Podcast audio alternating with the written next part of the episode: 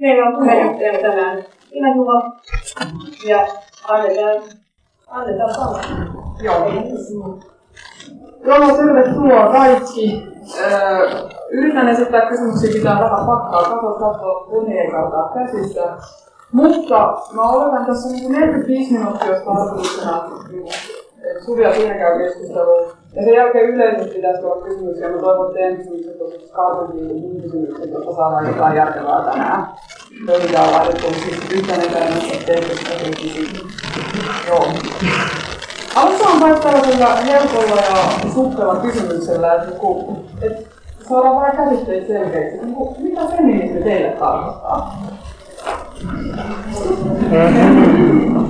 Mä yleensä haluaisin sanoa hyvää kaikille ja kiitos siitä, että mä olen saanut tulla tänne tänään tapaamaan teitä ja sitten tuota, niin feminismi, mitä tarkoittaa feminismi. Se on kyllä mielenkiintoinen, mielenkiintoinen kysymys. Mulle itselläni, musta tuntuu, että feministejä vähän voi olla kaikenlaisia. Ja, ja, ja epäilemättä se, mikä, mitä me tarkoitetaan tänään, on, on tämä tuota, niin parlamentaarinen ja, ja sitten anarkistinen positio positio siinä. Sitten on vaan kertoa, siinähän voi olla pieniä kirjoituksia, mitä me tehdään ulkomaan anarkisteille, me pakotetaan nyt äänestämään, mutta se on eri Tähän voidaan tehdä niin kaarisia väitellä. Joka tapauksessa niin, mulla ei ole itselläni naisliikkeen taustaa. Et mä en tule sillä tavalla naisliikkeestä. Mä kävin koulu Helsingissä 70-luvulla, niin, niin, tota, niin, niin Suomessa oli jonkinlainen naisliike, mutta mun oma taustahan on tota, niin vasemmisto, vasemmistossa. Eli KSKDLssä, mikä oli siihen aikaan Suomen kansandemokraattinen liike, eli joka puhuttiin siellä päivänistä kommunisteista. Ne, jotka tota, täällä suurin osa teistä on tuolta, niin kuuluu ihan toisen sukupolviin, ehkä joku vielä muistaa. Muistaa ne ajat, milloin vasemmisto oli jaettu demareihin, kansandemokraatteihin ja sitten tota, taistolaisiin. suurin piirtein, suurin piirtein siinä, siinä kuviossa. Mä olin mukana Eskodella nuorisoviikossa SDNRS tota, niin kouluaikoina.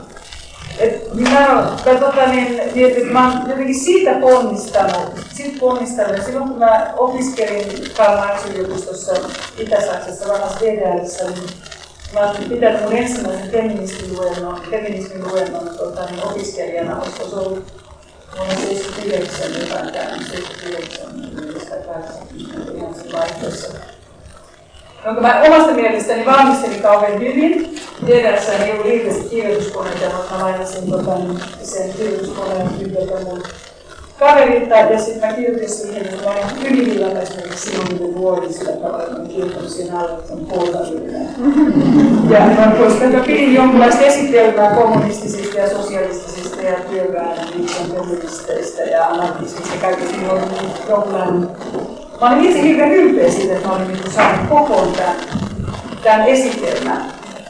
Mun muisto siitä tilaisuudesta, kun tämä oli jotenkin sillä tavalla, että tämä oli niin mun ulostulo feministinä, niin, niin mä muistan sen hyvin, koska siellä oli paljon siihen aikaan hän sosialistiset maat koulutti paljon ihmisiä Afrikasta. Silloinhan esimerkiksi oli Etelä-Afrikkaan toisenlaisessa tilanteessa oli kaikki nämä vapautusliikkeet oli eri Afrikan maissa ja tuota, niin silloin tuli hyvin paljon 70-luvulla on tullut Eurooppaan hyvin paljon myöskin latinalaisesta Amerikasta pakkolaisia turvapaikanhakijoita ja paljon opiskelijoita.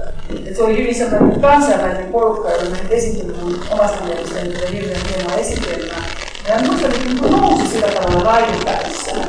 Tämä on niin mun ensimmäinen kokemus sillä tavalla, että ei tule hienoa poliittisten puheiden pitäjä.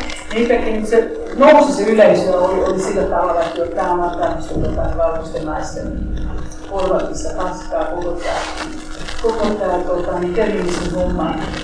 Ja tuota, niin, ja mä muistan sen, sen aikainen, sen aikainen poikaystävä, koska silloin mulla oli poikaystävä ja hän tota, niin, oli jatkalaisten opiskelijoiden puheenjohtaja itse.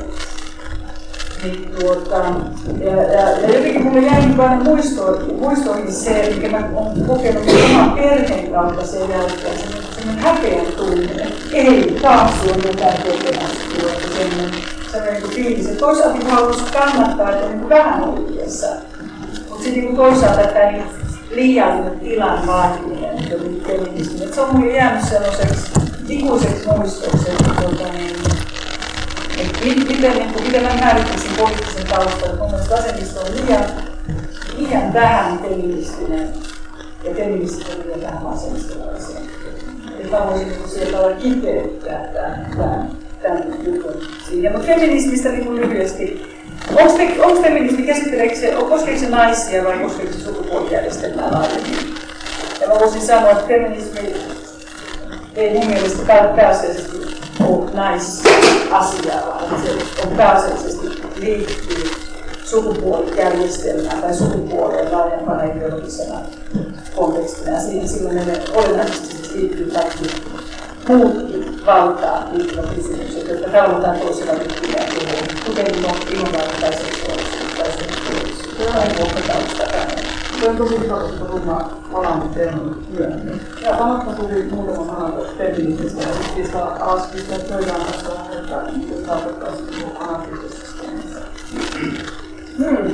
No, mäkin vedän nyt vähän pidemmän kaavan kautta, mikä on mun, mun suhde feminismiin.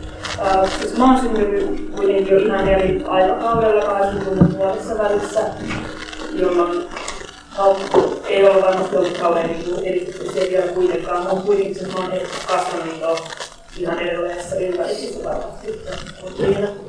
Mm, varmasti myös naisten asema feminismi ylipäätään on tosi erilainen edelleenkin tuossa eri maissa.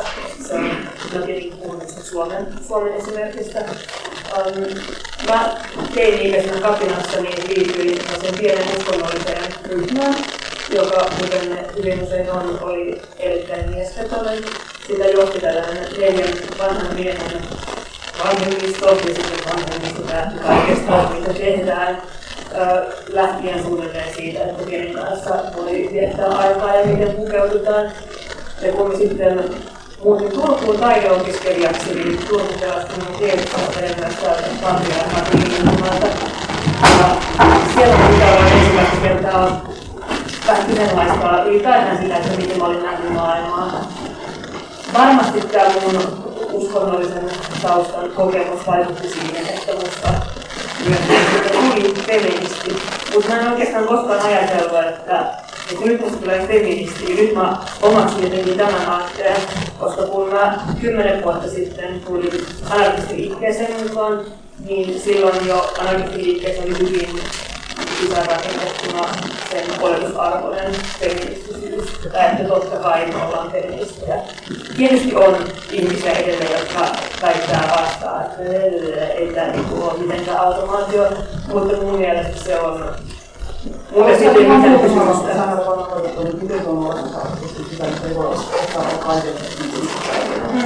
Siis mun mielestä on totta kai mahdollista olla feministi olematta anarkisti, mutta ei ole mahdollista olla anarkisti olematta feministi, koska tasa-arvoa ei voi olla vaan joillain. Tasa-arvo on radikaali tasa-arvoliike, niin silloin me ei voida ajatella, että me on tasa-arvoa vain joillain tietyillä alueilla, mutta ei esimerkiksi sukupuolten välillä. Ja mulle feminismi on ennen kaikkea niin intersektionaalista feminismiä, jos ei sitten niin lähdetä ajattelemaan tai jos pyritään myös kaikenlaisen niin kuin, just niin kuin ruokatietoisuuteen kysymyksiin ihmisen taustasta, pyritään sitä kautta lähtemään siihen. Voidaan palata myöhemmin tuohon kysymykseen, että mitä se on se anarkismi aina niin siis selitteisesti feminististä. Mutta sitä ennen voitaisiin katsoa vähän, että kysehän tänään on tuosta niin parlamentarisesta versus anarkistisen näkemyksen feminismistä, niin haluaisitko, haluaisitko jompikumpi katsoa esimerkiksi miten tarkoitetaan nyt tässä yhteydessä parlamentilla kriittisellä feminismillä? Sulla on F-listaus. Niin, joo. Tota, niin, silloin kun perustettiin feminististä aloitetta ja aloitettiin tämmöisen vuonna 2004 salaisilla tapaamisilla, mikä johtui vain siitä, että Jyru Ryhmän, joka oli vasemmistopuolueen, vasemmistopuolueen entinen puheenjohtaja, niin hän oli eronnut puolueesta ja oli niin kutsuttuna villinä Ruotsin tota, valtiopäivillä. Ja me voitiin käyttää niin, niiden tiloja hyväksi, eikä sitä ei kannattaa sanoa, että tämä on siinä Se on muuten historia, että niin ne tapaamiset se on niin feministisenä koalitiona. Ja jotenkin, jotenkin mä jo silloin alun pitäen ajattelin sitä, että siis koalitiota on hyvä asia, että liitetään yhteen tiettyjen asioiden ympärille. Että voidaan niin sanoa, että meillä olisi tämmöinen ja tämmöinen agenda, mutta se ei tarkoita sitä, että kaikille pitäisi, täytyisi olla samanlainen poliittinen tausta. Meillä kuitenkin mun mielestä oli siihen aikaan vasemmistopuolueen kuitenkin tota, niin, niin nämä parhaat, parhaat feministit tänä vuosi sanoa. Monethan sitten palasi takaisin puolueeseen, siinä on niin pitkä historia, että me voidaan oikeastaan siihen paneutua sen kummemmin. Mutta siihen tuli, ne konfliktikuviot oli aika selvät. Siinä oli tämmöinen klassinen naisliike, joka edustaa sit näitä naisia ja naisellisia arvoja. Sitten siinä oli, niin kuin, me, me, meiltä tultiin enemmän tällaisesta niin intersektionaalisesta queer-porukasta. Antirasismi oli, oli niin kuin mukana, mutta osittain vielä vähän alikehittynyt, ja, tuota, niin, joka nyt on siis viimeisten kymmenen vuoden aikana tuota, niin kehittynyt ihan huikeasti. Just nimenomaan myös tämän tämmöisen parlamentarismin ympärillä. Ajatus oli kuitenkin se, että Tämä, mikä monien aktivistien mielestä on hirveän tylsää, se, että yrittää niin kuin kymmenen vuotta jonkun saman esityksen kanssa olla jossain parlamentissa ja toteuttaa jotain lakisää, lakiuudistuksia ja muuta sellaista. Mikä liittyy parlamentarismiin on, on periaatteessa se ajatus siitä, että vaikutetaan, vaikutetaan yhteiskunnassa niin niiden parlamentaaristen keinojen kautta osana feminististä aktivismia. Eli se on nyt pelkästään se, että istutaan eduskunnassa ja sitten ei tehdä mitään muuta. Mä haluaisin korostaa sitten ennen kaikkea jo nyt heti, että feminismi, feministinen aktivismi on, on hyvin erinäköistä ja täytyy olla myös hyvin eri, erilaista tähän tilanteesta riippuen. Mutta koska mä nyt ymmärrän, että mun rooli tänä iltana kuitenkin on edustaa tämmöistä valtiota ja valtiota ja tämän valtavasemmistolaisuutta ja istutaan, istutaan eduskunnassa on että mä kyllä koen sen tärkeänä. Sitten tietysti voi kysyä, että minkälaisen demokratiakäsityksen ympärillä tekee työtä, koska meidän tiedetään, että demokratian kauttahan voi äänestää myös tämmöisen hallituksen, mikä meillä on Suomessa. Sitähän on tapahtunut, että varmasti voidaan olla monista asioista eri mieltä tänä iltana, mutta tuota, niin, tämä on yksi asia, mistä me varmaan ollaan Jos ei tänne ole hivuttautunut tuota, niin poliittisen sen poliittisen puolen edustajista hän ei koskaan tiedä. Tämä on, on sellainen mielenkiintoinen, mielenkiintoinen tilanne siinä mielessä, että demokratia käsitteenä, mikä tietysti liittyy myös tasa-arvoon tai kansanvaltaan, ja mikä tietysti on myös anarkistisen tradition tai perinteen sydämessä, on nyt nimenomaan, nimenomaan se epäluottamus siitä, että voisi joku sellainen rakennelma kuin valtio ylipäätänsä koskaan tuottaa mikään, mitä voisi olla positiivista. Mutta mä ajattelen ihan siis tämmöisen oikeastaan perinteisen sosiaalidemokratian, vaikka mä en edusta sosiaalidemokratiaa sinänsä, mutta niin sen, sen mallin mukaan, että valtio ei ole pelkästään puolustusvoimat ja poliisi, vaan valtiot maksetaan, maksetaan veroja ja sitten jotenkin menee tähän yhteiseen hyvään ja sitten meillä on sekä taidetta että koulutusta että hyvinvointia ja sitten siitä, niistä yhteisistä asioista taistellaan. Mutta sehän on ainoastaan osa, osa feminismiä, totta kai. Ainoastaan osa siihen. Se on hirveän tärkeää, että on ulkoparlamentaarisia ryhmiä, jotka tota, niin, tekee ajattelee, että tota, niin, ei, ei liity tai ei osa näitä hirveän raskaita organisaatioita, kuten eduskunta tai yliopisto.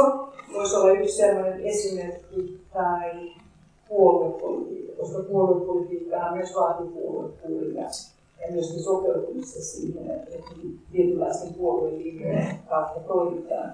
Ja sehän, se on, se on raskasta ja tota, niin, aika tuota, niin, vaativaa työtä, joka mielestäni se on, se on sellaista, mitä voi tehdä jos, jonkun vaiheen elämässään, mutta ei koko elämä.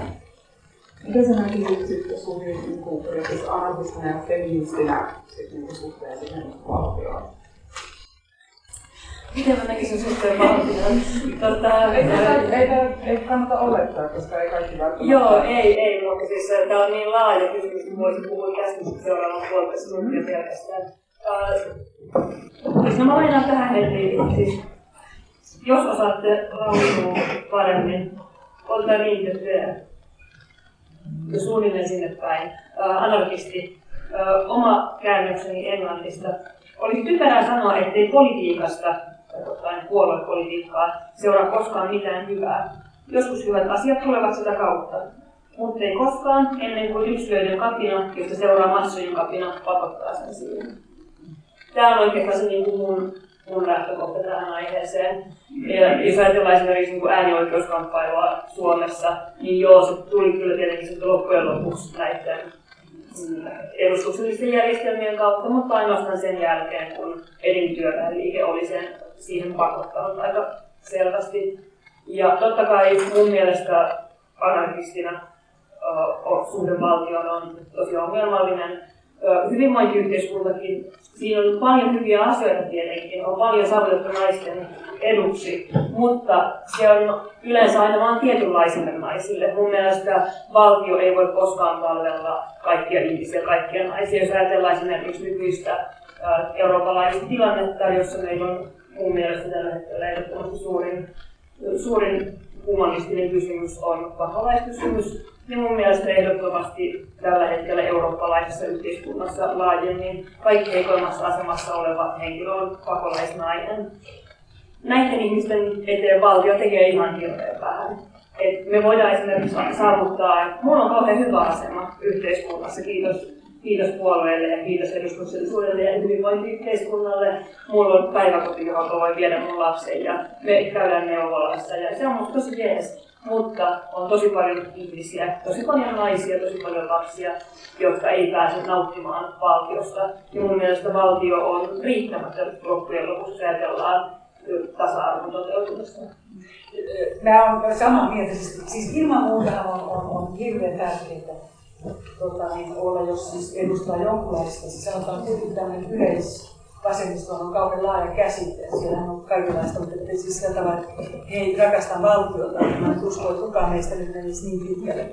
Tekisi näin, että totta kai täytyy olla valtio kriittinen kaiken aikaa. Jos me katsotaan nyt koko tätä pakolaistilannetta tällä hetkellä, tai sitä, mitä niin tutkijat vielä 30 vuotta sitten, jotka tutkii äärioikeistoa ja fasismia Euroopassa, jotka siihen aikaan lähti siitä, se lähtökohta nimenomaan oli se, että tämä on kuollut perintö Euroopassa, että ei koskaan enää palaa. palaa. Ja nyt kun tota, niin on tässä tutkittu ja hutkittu ja katsottu, että ei ole, tässä me yhtäkkiä, tota, niin me, me ollaan tämmöisessä niin fasistisessa tilassa, missä me ollaan tällä hetkellä, niin ilman, jos me puhutaan Euroopasta ja Euroopan unionin tai myöskin niistä Euroopan valtioista, jotka ei kuulu Euroopan unionin, ja katsotaan tätä pakolaistilannetta nyt tämän viimeisen vuoden aikana, miten se on kehittynyt, niin me ei oltaisi tässä ilman kansalaisyhteiskuntaa. Se on ihan selkeä asia. Jos me oltaisiin niin sanottu Unkarin valtiolle tai Itävallalle tai jollekin muualle, on hirveän suuri yllätys, yllätys sinänsä, että Angela Merkel aukas rajat ja, tuota, niin, ja, ja päästä, se Saksahan on ottanut nyt miljoona tuota, niin,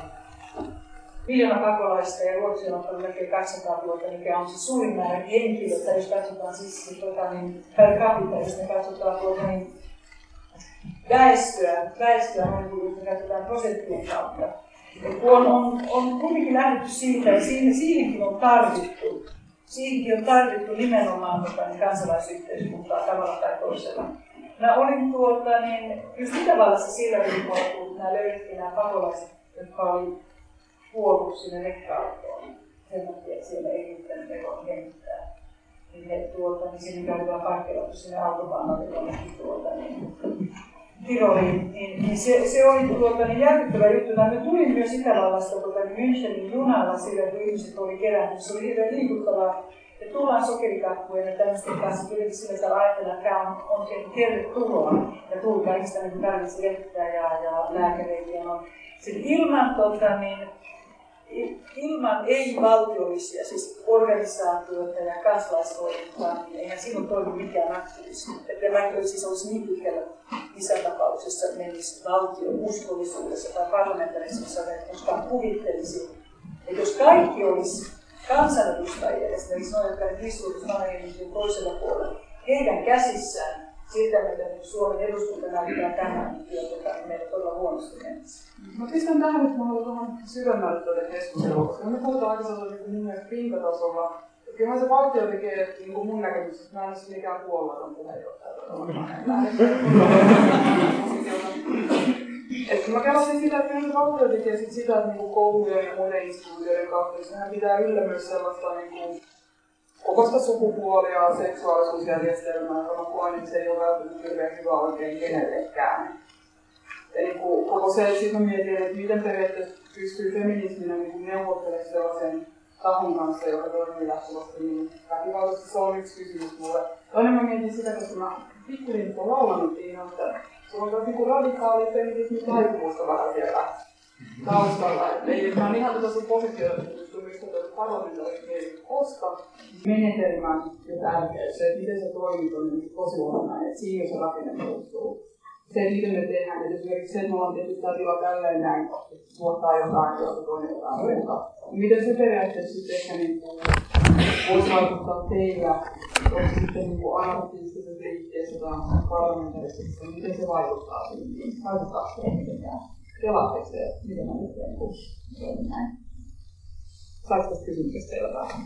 Se on aika monitahoinen. Tuota, uh, jos mä vastaan ihan ohi, niin palautu sitten Totta kai se niin omille toimintatavoille tulee tosi nopeasti, tosi sokeeksi. Ja kun toimii missään yhteiskunnallisessa liikkeessä tai yrittää vaikuttaa millään tapaa, niin sit sitä hirveän nopeasti urautuu. Totta kai sitä pitäisi paljon enemmän haastaa, että, että miten me toimitaan ja miten me ajatellaan.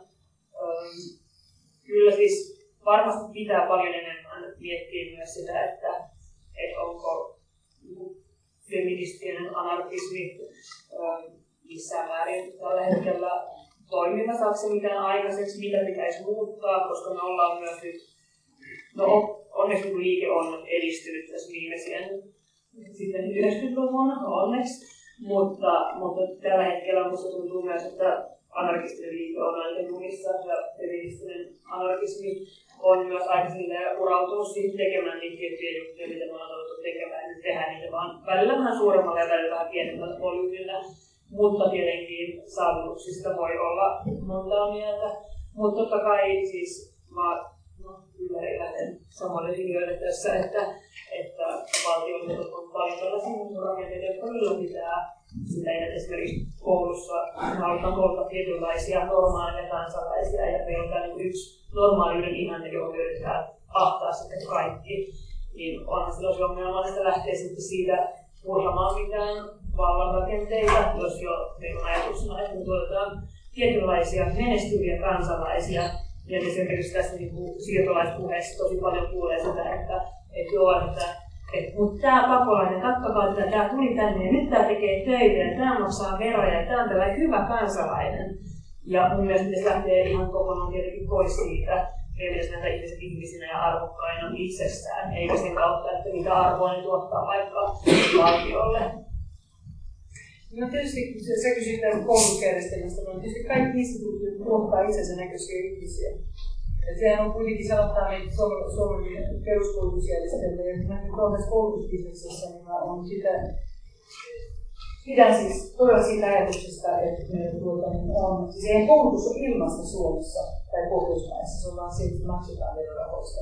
Ja sehän poikkeaa hirveän paljon koulutuskentästä maailmalla globaalista koulutuskentästä, jossa ihmisillä ei ole mahdollisuutta koulutukseen ylipäätään. Niin nämä, näe koulua niin kauan suurena kummajaisena, jos se ei, jos se on tunnustuksellista koulutusta, siis sellaista, että jos se niin liittyy, liittyy, että se on liian kiinnitetty johonkin tietyn tyyppiseen ideologiaan tai liian kiinnitetty erilaisiin fundamentalisiin, fundamentalisiin uskonnollisiin näkemyksiin, niin se on mielestäni vaikea asia. Tällainen, tällainen peruskoulu, peruskouluajatus, niin sehän niin mullistui Suomessa kuin liian myöhään Suomeen siellä muistui myös ne koulutuslaitoksen. Tota, niin siinä totta kai liittyy kaikki ne ideologiset pointit, että miten koulutetaan ja miten mielletään, miten mielletään tytöt ja pojat tai sukupuolet tai miten mielletään erityyppisiä asioita. Niin, niin sehän on se sisällöllinen puoli, siihen voidaan, tota, siihen voidaan totta kai montaa mieltä. Suomessa, niin Pohjoismaissa ylipäätään on, on pyritty demokraattisen koulutuksen suhteen, tai mahdollisuus koulutukseen. Mutta nyt kuitenkin nämä, nämä jatkuvasti, mun mielestä oli tänään sanonut Hesarissa taas sitä Espoon koulutusta, koulutuksista, niin tämmöistä, että joo, hyvää päivää kirjasta, että minkä takia vältetään tiettyjä kouluja tai minkä takia ei asuta tietyillä alueilla sen takia, että siellä asuu maahanmuuttajia tai työväestöä ja noin tuosta. Niin sen tyyppiset vuokrarajojen valtioimisia me kaikki tunnetaan tavalla tai tavalla tai toisella se, on, se on yksi asia, ja sitten se, tota, se toinen asia on totta kai koulutuksen sisältö. Eli se sellainen affektiivinen nationalismi, joka lähtee siitä, että oppii tietynlaisen kaanonin laulaa tietynlaisia lauluja. Ja jokin juttu sillä tavalla, että mulla oli kaikki, mä en koskaan mitään mannekeisarissa. Mä olen vielä jumalisen, että mitä haluaisit tekemään. Se oli, oli se semmoinen, että, tämä on niin Suomi. Mutta tota, niin, mä ymmärsin, että on ilmasta ja tämä on Helsingin yliopisto ja yliopisto sovitetaan Suomessa. Tuota, että meillä on sellainen tilanne, että se on hyvä muuten, siinä on mitä sisältöä, mitä sisältöä meidän opettajat muuten tuottaa. Ja mun mielestä niin, ole yhtä negatiivinen kuva tota, niin, opettajista. Mun mielestä päinvastoin monet opettajat luottaa normikriittistä tai sitä kutsutaan nyt normikreatiiviseksi tai normiluovaksi. Niin, mun mielestä monet yrittää, mutta siis tulokset voi olla hyvin, hyvin vaihtelevia. Mutta instituutiokritiikkihän täytyy aina olla läsnä. Mehän ollaan nyt Helsingin yliopiston juhlasalissa tai Mannerheimin tai luentosalissa tai sitten vähän kulttuuria. Itsekään opiskelijoille tarkoitettu. Näin asian ymmärtänyt. Ne voidaan olla monen, monen muissa. Mä oon itse töissä professorina yliopistossa Tukholmassa. Ja kaikki sillä tavalla, että sanotaan, että oikein siis aito anarkisti tai todella radikaali feministin, feministi ei koskaan jalalla edes astuisi tähän. Eli siis nämä, jotka on todella näitä radikaalifeministejä Ruotsissa, niillä on omat naisten korkeakoulut, jotka on kaikki tuota, niin pelkästään biologiselle naisille. Osittain me ollaan nyt saatu vähän transihmisiä esimerkiksi mukaan. Mutta tuota, niin nehän on siis separatistisia koulutussysteemiä. Ja tuota, niin ne, ne toimii ihan, ihan tuota, niin, eri periaattein kuin esimerkiksi valtiollinen yliopisto. Mutta se on tietysti, jos antaa pirulle pikkusormensa, niin se kannattaa koko käden ja käsi jotain. Maailman lyhyin kommentti ensin on, tiedän, että tämä on puheenjohtajan lempiaiheita tähän koulutukseen, mutta tota, siis siitä lähinnä, että, että joo, meillä on totta kai hyviä opettajia, jotka tuottaa normatiivisettiä ja muuta vastaavaa.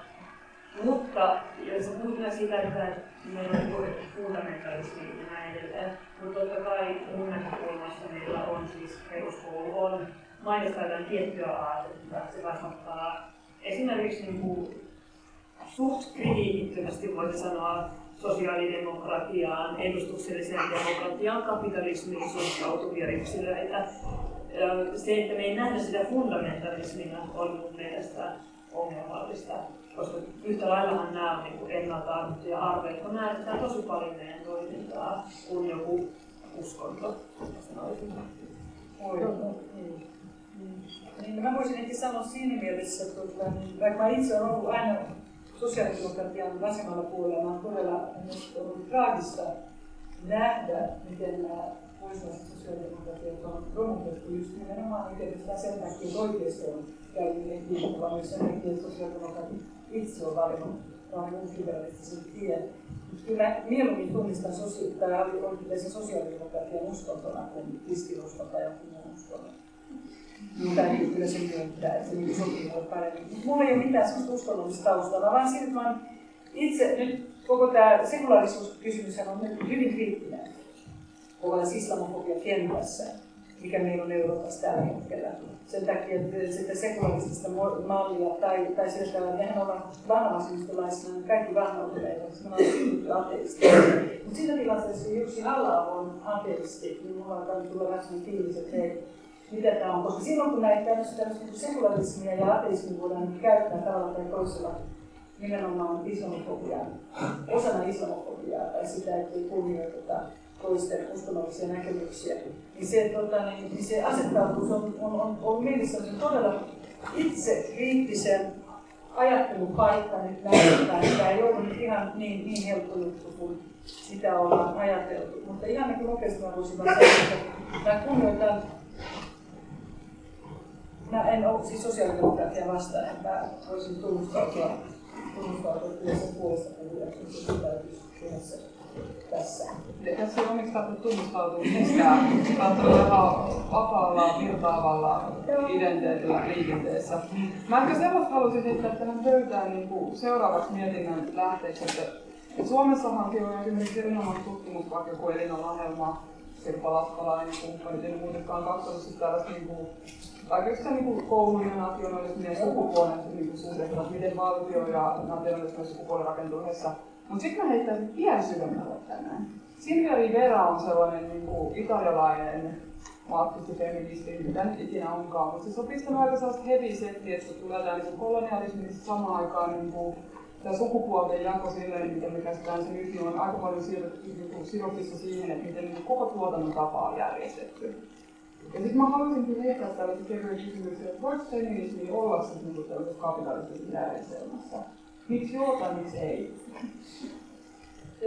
Tämä on mielenkiintoinen kysymys, koska tota, niin tämä on johtanut minulla tuota, niin, niin moneen eroon erityyppisistä feministisistä järjestöistä, että tuota, niin, Mun vastaus kysymykseen on, on se, että on olemassa porvarillisia liberaalia, sosiaaliliberaalia feminismiä. Oikeistohan ei ole feministinen. Se, että me ollaan molemmat oikeassa niin oikeistossa oikeistossa, niin se ei ole enää. Se on niin, niin kaukana kaikesta, mutta tuota, niin, ei periaatteessa. Mun mielestä niin kuin, se, se, mikä on tämän hetken feminismin suurin ongelma, on että tämmöinen täysin mainstream feminismi, josta puuttuu kaikki kapitalismin kritiikki, niin ei ole, ei ole mulle siis varsinaisesti feminismiä. Että tota, miten talous järjestetään sitten tulevaisuudessa tai mitä vaihtoehtoja on, niin siis, niitä vaihtoehtoja on olemassa. Meidän täytyy aina lähteä siitä, että aina on vaihtoehtoja. Koska just se henkilö, joka sanoo, että vaihtoehtoja ei ole olemassa, on Margaret Thatcher. Silloin kun Thatcher että there is no such thing as a society, ja vain mitään vaihtoehtoja ei ole kapitalismi. Eli se, mikä kutsutaan, mitä kutsutaan kapitalistiseksi realismiksi että nyt vaan ollaan tässä ja nyt täytyy olla. Niin mä, mä en sillä tavalla, mä en harrasta mitään veljeilyä ylipäätänsä porvallisten feministien kanssa, mutta kun silloin kun on pakko. ja, tota, niin, ja kyllä, siis mä, kyllä mä voin ymmärtää tämmöisen sosiaaliliberaalisen tasa-arvo ja, ja, ja tämmöiset, mä voin hyvin ja naiset ja noin, koska tämmöinen liberaalifeminismihän, sehän on periaatteessa siellä on naiset, jotka menestyy tämän systeemin sisällä, jotka tätä niin kutsutaan lean in feminismiä jotenkin sillä tavalla, että mä olen osa tätä yhteisöä ja olen menestynyt. Siis kuinka monta naista me ollaan nähty tota, niin eri tämmöisten, ei pelkästään naisten lehtiä, mutta mä ajattelin Times tai jotain tämmöisiä kansainvälisiä viikkolehtiä, missä, missä lukee, että don't hate her because she, she's successful tai jotain muuta. Tämä menestyvä menestyvä puolueellinen nainen, joka myös on jonkun sortin feministi, joka varmasti ihan aidosti on siis väkivaltaa vastaan naisten oikeuksien puolesta. En mä ollenkaan epäile sitä. Mutta jos me niinku kuitenkin ajatellaan sitä, että ei ole niinku näkemystä, poliittista näkemystä taloudesta, että talous olisi vaan niinku joku tämmöinen kapitalismi, jolla on ihmisystävällisesti kasvu, niin silloin tulee vähän tämmöinen heipaloa. No aika pitkälle Näinhän se menee. Joo, siis kapitalismihan kuitenkin perustuu siihen, että on, on. Ja jotta no siis kapitalismi perustuu siihen, että on pääoma ja pääoma täytyy kasvaa loputtomasti. Ja jotta pääoma voi kasvaa loputtomasti, niin tarvitaan myös aika pitkälti loputtomasti riistoa. Tietenkin jonkun pisteen jälkeen on jotain pääoma kasvaa myös ja tuottaa bla bla. Mutta kyllähän siis kapitalismi ja riisto kulkee käsi kädessä, siitä ei kysymystäkään. Eikä kauheasti tule edes kapitalisteja, joita yrittäisi kiistää. Ja kyllähän aika usein siellä riiston kohteena on silloin naiset, valitettavan usein lapset myös. Et en mä siis No siis mulle tämä menee vähän samalle linjalle kuin se, että että voitaisiin olla feministi olematta samalla kapitalismin vastustaja. Menee, niin mä toivoisin, että feministinen liikeajattelu, myös anarkismi kehittyy eteenpäin ja siihen, että me nähdään tämä myös lajista riippumattomana asiana. Mä toivoisin, että me nähdään enemmän myös sitä, että me ei voida sortaa minkään lajin edustajia ihmisten lisäksi mä toivon, että, että liikkeet kehittyisi myös siihen suuntaan, että, että ajatellaan, että me ei voida enää vaan ajatella ihmisten hyvinvointia tässä ylipäätään kapitalismissa, koska kapitalismihan lasten ja naisten riiston lisäksi äh, liittyy myös hyvin paljon muiden käyttöön. Mä tahtoisin sitten seuraavaan toiveikkaampaan teemaan, eli mitä vastarinnan muotoja voisi olla niin feminismin sisällä? Eihän ole sillä tavalla niin vastarintaa vastarintaa, että nyt tehdään vastarintaa yhdellä tavalla. Eli kaikkien täytyy toimia siellä, missä on. Ja tuota, niin vastarinnan muodothan on, on, on hyvin moninaiset. Et siihen niin liittyy, että jos haluaa tehdä tämmöisiä niin aktioita tai tavalla tai toisella tämmöisiä iskuja sinne tai tänne, niin niin sehän on hyvin mahdollista. Sitten sitä niin pitemmän tähtäimen työtä täytyy myös tehdä se, mikä liittyy parlamentarismiin, joka sinänsä on hirvittävän turhauttavaa. Jos niin yrittää saada samaa lakia läpi, sanotaan kymmenen vuotta, niin siinä jos saattaa käydä niin, että ei valiteta uudestaan eduskuntaa, just sen takia on yrittänyt saada sitä lakia läpi. Että se siihen liittyy monenlaiset, monenlaiset asiat. Mutta sanotaan, että se suuri vastarinta, että mitä niin tarvittaisiin Euroopassa, jos nyt jos puhutaan Euroopasta sen takia, koska meillä on eurooppalainen tilanne päällä. Ja mun mielestä kaikkein tärkein, tärkein asia tässä tilanteessa, missä ollaan Euroopassa nyt, niin feministinen, feministisen agendan tärkein asia just nyt on nimenomaan pakolaiskysymys. Se, se on se tärkeä ja rauhanliike. Että siis nimenomaan, että feministi ei voi olla militaristi. Siis se, se on minulle, siis siitä mä voisin vielä tota, niin, hyväksyä jonkun pikkukapitalistinkin mukaan tähän porukkaan. Jos, on, jos puolustaa armeijaa ja, ja, ja sotaa, niin silloin, silloin niin vaan niin kuin mun maailmasta ja henkilö, niin vaan on silloin niin katsoo sen mustaan autoon. Ja mä annan tästä konkreettisen esimerkin. Multa on kysytty monen kertaan, että eikö se ole hienoa, Ruotsissahan ei ole siis enää armeijaa. Siellä on vain vapaaehtoinen armeija, sieltä poistettu tämä tuollainen vakioarmeija. Niin tuota, niin sitä on pidetty hirveän suurina saavutuksena, että homot ja transhenkilöt saa sitten siellä luoda uraa ja. Et eikö nyt ole siinä hienoa, että kun naiset saa, ollaan toteutettu tasa-arvoa. Ja mä sanon, että tasa-arvon kannalta, tämä on nimenomaan tasa-arvo ja feminismin ero. Tällaisen demokraattisen, representatiivisen tasa-arvon kautta niin se on totta kai saavutus. Et siellä saa nyt olla maahanmuuttajataustaiset ja homot ja lesbot ja transhenkilöt vaikka kummit aivan ja jopa naiset. niin olipa hieno juttu. Siis jos me nyt ajatellaan niin ihan näin vaan näin, tämmöisen neliskaanan sisällä. Mutta feministit, mä tullaan nyt että mitä tarkoittaa olla feministi, oli sitten sitä tai tätä sukupuolta. Se tarkoittaa nimenomaan, että siihen, siinähän ei voi olla niin kuin esimerkiksi tämä armeijan puolustus. Siinä ei niin voi olla tuon puolustusvoimien, niin nationalistisen puolustusvoimien puolustus, joka puolustaa jotain rajoja, jotka on näyttänyt sata vuotta sitten ihan toisenlaisilta. Siellä on ihan eri... suora kysymys, että miten voisit kannattaa valtiota, joka nimenomaan perustuu, että ja on se väkivallan monopoli, että siinä on ristiriita. Ilman muuta. Ja sen takia se, sen takia täytyy olla valtio kriittinen, eikä lähteä siitä, että valtio olisi joku sellainen, joka olisi aina ollut olemassa. Koska nimenomaan nationalismihan, varsinkin kun se kiteytyy maskuliinisuuteen, sehän nimenomaan lähtee siitä, lähtee siitä, että tiettyjä rajoja, että on emotionaalisesti valmis puolustamaan tiettyjä rajoja, vaikka nämä valtion rajat on hyvin erilaiset. Kansallisvaltio on hyvin ongelmallinen, kuten on valtio ylipäätänsä. Et, et siinä, siinä, siinä tuota, niin varmasti ollaan ihan samalla linjalla. Me just ajattelin sitä, että ajatellaan sitä, mikä, on, mikä niin liittyy feminismiin, mun mielestä feministi ei voi olla militaristi myös. Mutta sitten tullaan niin tähän kysymykseen, mitä tehdään tänään. Siis monet näistä liikkeistä, jotka liittyy jonkinlaiseen eurooppalaisen yleisvasetustoon, jos puhutaan Euroopasta tässä, tässä pakolaistilanteessa, missä me ollaan nyt Euroopan unionissa tai Euroopan valtuusta. Niin se mikä on tärkeää tässä, että monesta, monesta näistä liikkeistä, missä me ollaan jäseninä tai, tai, tai osana tai joiden tästä sympatisoidaan tai jotain muuta sellaista, niin siinä, siinä on hirveän tärkeää, että luodaan tiettyjen asioiden ympäristöisiä koalitioita.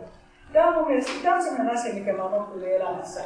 Että ei voi niinku kaikilta, ei voi niinku lähteä siitä, että, että, että meillä on niinku ihan sama käsitys valtiosta ja sitten me voidaan heimalla ihmistä sen takia. Me voidaan olla, niin täytyy yrittää lähteä siitä, että voi olla erilaisia käsityksiä. Mutta sieltä täytyisi niinku nousta tiettyjä ajatuksia. Jos me lähdetään ihmisoikeuksista tai eläinten oikeuksista tai me lähdetään rauhanliikkeestä tai me lähdetään tota, niin ympäristöliikkeestä, vihreästä politiikasta, vihreästähän voi todella myös keskustella paljon, mutta tota, se on toinen, toinen seminaari.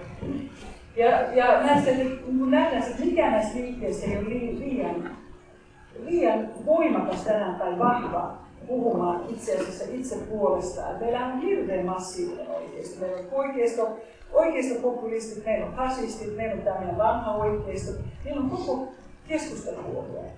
Ja nyt joka tapauksessa, kun ei kuitenkaan ole mitään tulevaisuuden uraa Suomessa, mä fasistinen kepu on ollut siis aamusta Siis mulla on ihan semmoinen, että ei. Ja nyt vasta kippautunut, että tämä on jotenkin semmoista täysin ruskeata politiikkaa ollut siis tota, niin jo ammoisilta ajoilta. Jotenkin se niin kuin, täytyisi lyöttäytyä yhteen, mutta ei tehdä sitä virhettä, mitä, mitä vanha vasemmisto vaatii. Nimenomaan sitä, että jos et saa niin meidän puolissa meitä vastaan, että niin ei, ole, ei annettu liikaa tilaa sille moniäänisyydelle. Tämä on se asia, mikä meidän täytyy poliittisesti hiffata. Että ymmärtää sitä, että ei tarvitse olla ihan samaa mieltä kaikista asioista. Sitä voi kuitenkin tehdä joitakin, valita joitakin semmoisia aktivistisia tai parlamentaarisia asioita, joiden puolesta kannattaa todella niin, niin liittyä yhteen. Mutta täytyy saada olla ne omat spesifiset poliittiset paikat ja porukat, joiden kanssa voi välillä vähän hengähtää, että tästä on vähän terapiaa itse silloin tällöin. Toiminnasta ja rahoituksena tähän. Onko koaliotille Muutama pointti. Tuota, otan riskin vajota edessäsi mustaan aukkoon.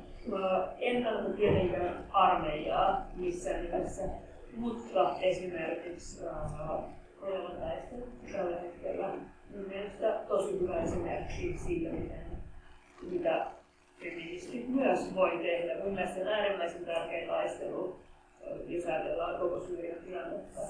Niin mä en näkisi sellaista, että sä voi olla feministi, jos sä lähdet sinne aseellistussotimaan isistä vastaan, joka nyt on tällä hetkellä se niin maailman pahin taho, mitä aina kun mä keksin. Mun mielestä se on ihan täysin ok. Mä näen sen itse asiassa tosi mahdollisesti myös feministisenä tekona lähteä sinne taistelemaan. Uh, jos suko seuraa, niin en tässä ole värväämässä ketään. mutta tota, näistä koalitioista ja tästä, siis musta tuntuu, että, että Suomessa tämä feministinen keskustelu ja just että viime vaalien aikana oli tämä feministinen vaalit-aloite, joka oli mun mielestä harvinaisen typerä. Ja just se, että lähdetään ajatuksesta, että nyt äänestetään naisia tuonne eduskuntaan. Ja tiedän, että mä oon lukenut osittain tiedän kirjan, tiedän, että varmaan tästä samaa mieltä. Että se, että me saadaan naisia vaikka eduskuntaan X määrä, ei ole nimenomaan sitä feminismiä. Se voi olla tätä, että, että saadaan tasotettua jotain niin kuin paikkamääriä, mutta se naiset ei automaattisesti tee hyviä päätöksiä. Ja mun mielestä suomalaisessa keskustelussa yhteiskunnassa on tosi iso ongelma se, että, että me ajatellaan just tätä tasa-arvoa tai feminismiä aina niin yhtenä ja samana asiana. Että puhutaan siitä, että, että nyt meillä on nämä niin lasikatot, mitkä vaan pitää saada ja pitää saada tietyt naiskiintiöt milloin millekin, vaikka eihän sukupuoli ole mikään mikään niin kuin tai yhtään mistään, niin se, että moni ajattelee vaikka, että nyt äänestän, että äänestäkää kaikki vaikka vihreitä naista, niin sehän on ihan niin tosi tuhoisa ajatus, jos me lähdetään ajattelemaan, että miten meidän parlamentaarinen systeemi toimii. Se ei ole niin kuin mikään tai millekään, vaan, vaan meidän pitäisi miettiä, jos haluat osallistua tähän parlamentaariseen päätöksentekoon, niin silloin äänestämme puolueohjelmaa. Ja mielestäni ihmiset ei kelaa sitä tarpeeksi, vaan keskitytään näihin henkilöihin. Ja mun mielestä minkään puolueen ohjelma tällä hetkellä ei ole niin feministinen, että mä voisin sitä äänestää tietenkään muista muslimilaisuudesta ei, mutta, mutta se on yksi niistä syistä. Mä myös miettisin sitä sosiaalidemokratiaa. Tämä on tosi uh, siis miettisin myös sitä sosiaalidemokratiaa aika kriittisesti. Joo, sieltä on tullut paljon hyviä asioita, mutta kyllähän tämmöinen koko pohjoismainen hyvinvointiyhteiskunta perustuu tosi semmoiseen rodullistiseen ajatukseen siitä, että ne hienot, upeat, kurjat pohjoismaalaiset olemme nyt saaneet omalla upealla toiminnalla aikaiseksi tämän Onko Maikerissa kaikki samaa mieltä? Nyt mulla on mieltä. Mä oon siis täysin tämmöinen pohjoismainen poikkeuksellisuus, mikä on tämä Nordic Exceptionalism, joka on se, miten kaikki on hienoa meillä ja muiden kaikki ihmisten asiat on ihan jostain muualta. Siitä mä oon ihan samaa mieltä, mutta tota, niin, nyt me tullaan nimittäin siihen tähän juttuun, että kun mä oon itse asiassa pasifisti, Ja mä oon miettinyt paljon sitä Mahatma Gandhin, sitä niin radikaalikasifismia, että vihaan ei ole vasta vihalle. Ja mä olin hyvin järkyttynyt näiden Pariisin iskujen jälkeen ja kaikki muu. Mutta se, mikä mua järkytti vielä enemmän, oli François Hollande, hänen puheensa sen jälkeen. Koska se on niin hirveätä vihapuhetta, että nyt täältä pesee. Kuunnelkaa sitä, se, se on tota, niin, YouTubessa, kaikki on YouTubessa Mun mielestä tota, niin ensinnäkin sosialistinen presidentti. Ja, ja jos, on, jos tuntee värikkään Ranskan yhteiskuntaelämää ja muslimien marginalisointia, työttömyyttä, kolonialistista perinnettä ja noin poispäin, ettei hetkeksikään tule sitä ajatusta, että me teemme tämän itsellemme. Ettei niin ajatella, että tässä on nyt pieni bumerangin efekti käynnissä että jotain tapahtuu, että vastataan niin vihaan vihalla, se oli täysin juttu. Ja sitten mulla oli opetus sen jälkeen seuraavana päivänä, niin me katsottiin opetus, että katsotaan ihan tämmöisenä kotiläksynä, niin Marseliesin kaikki säkeistöt, vaikka se, tota, niin, se on käännetty, jos ei, jos ei osaa ranskaa tai englantia, niin ei varmasti suomen kielellä. Se on aivan järkyttävää. Mä, mä, mä vaan sanoin sitä, että voisiko vaan sanoa sen asian tähän, että tuota, niin, Mä olen sitä mieltä, että tässä on se, se pointti, että väkivalta on paha asia. Ja meidän tulee toimia rauhanomaisen keinoin, koska mä en halua toimia tässä. Ja tämä on mulle sellainen bottom line, ja, ja tota, niin mä, mä lähden siitä, että tappakaa sitten pois. Mutta tuota, niin, jotakin, mun mielestä jotain hirveän hienoa siinä kuitenkin Gandhin, ehkä naivissa, mutta kuitenkin siinä, siinä, siinä otteessa, että jos me ollaan niin osa tätä maailmaa, niin sen energiaa, energia tavalla tai toisella. Mutta jos haluatte tappaa, niin tappakaa pois. Mutta tuota, niin, en, en, en kyllä lähtisi aseellisen taistelun koskaan. Mutta te sanotte vähän loppukaneettina, niin kun mennään yleisökeskusteluun, niin, että Tietynlainen pasifismi voi olla aika massiivinen etuoikeus, koska silloin kun te teette sorrettuna ryhmänä vasta rintaa tai itsepuolustusta, niin se on näkyvissä, mutta siis valtiothan tappaa päivittäin rajoille ihan järjestelmän määrin siinä. Se on, niin kuin, se on hillitön etuoikeus sanoa sitten, että että niin niin mun kuluttamiselle mun toiminnassa mä allekirjoitan ja parlamentarismin mä allekirjoitan sen väkivallan, niin heitä ei saa puolustaa itseäni. Mä, sorry, mä en mistään puolueita. Tässä on tosi hyviä pointteja. No, mutta sieltä löytyy ainakin jotain, mistä niin. Ja siis tota, mä luulen, että tässä on aika hyvä alustus nyt tällä keskustelulla. Mä toivon, että teillä on parempia ja skarpempia kysymyksiä. Olkaa kärsivällisiä, kun mä annan puheenvuoroja, ja älkää jäädä jaapaamaan. Eli pitäkää kommentit sille reilusti ykköllä. Onko rohkeita aloittajaa? Vielä. Joo,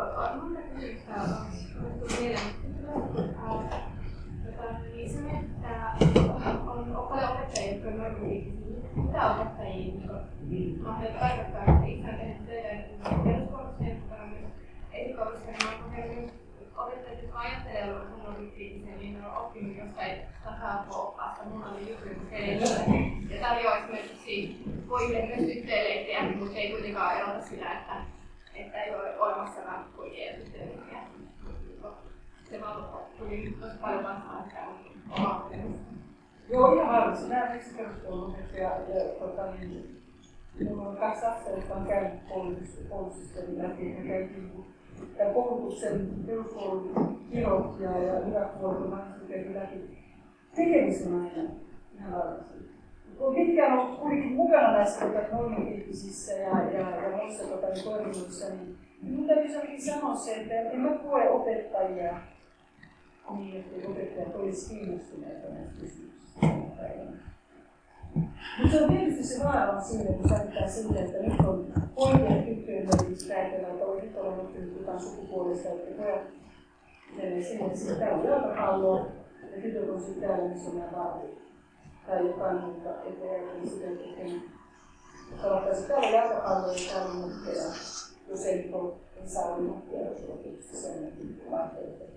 Mutta tota, mä oon puolustaa kyllä näitä valmiukkiakin, mitä saa tästä paljon. Koska mä, oon nähnyt vaan, siis se on sellainen freudilainen perusjuttu, että ei koskaan kannata kieltää asioita sen takia kaikki asiat, joita kieltää, siis tietysti ei saa tappaa muita ihmisiä, mutta semmoinen, semmoinen käsky. Mutta tämmöisiä asioita, jotka ei ole hirveän tärkeitä, koska nehän stigmatisoivat ja silloin on Että jos lapsille sanoo, että sä et saa tulla homoksi lapsaan näkökulman, niin mä, oon nähnyt, koska mä oon opettanut niin paljon sitä, feministejä ja jotka todella on, on, on, on leimannut koko tämän köölin just sen takia, että on kyllä sinne monikäisiä sellaisia, jotka tarvitsee yhteisötöissä. Ja tota,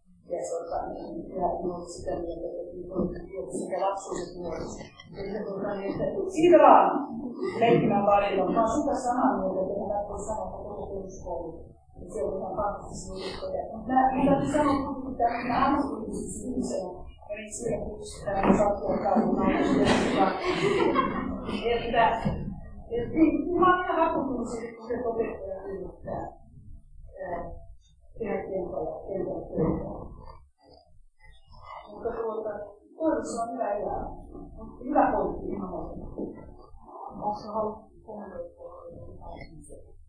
siis ihan varmasti on just iso ongelma. Mulla on päiväkotitainen lapsi ja yhden törmää jatkuvasti siihen, että, kyllä siellä huomioidaan nimenomaan puolen suhteen eteenkin aika rankasti.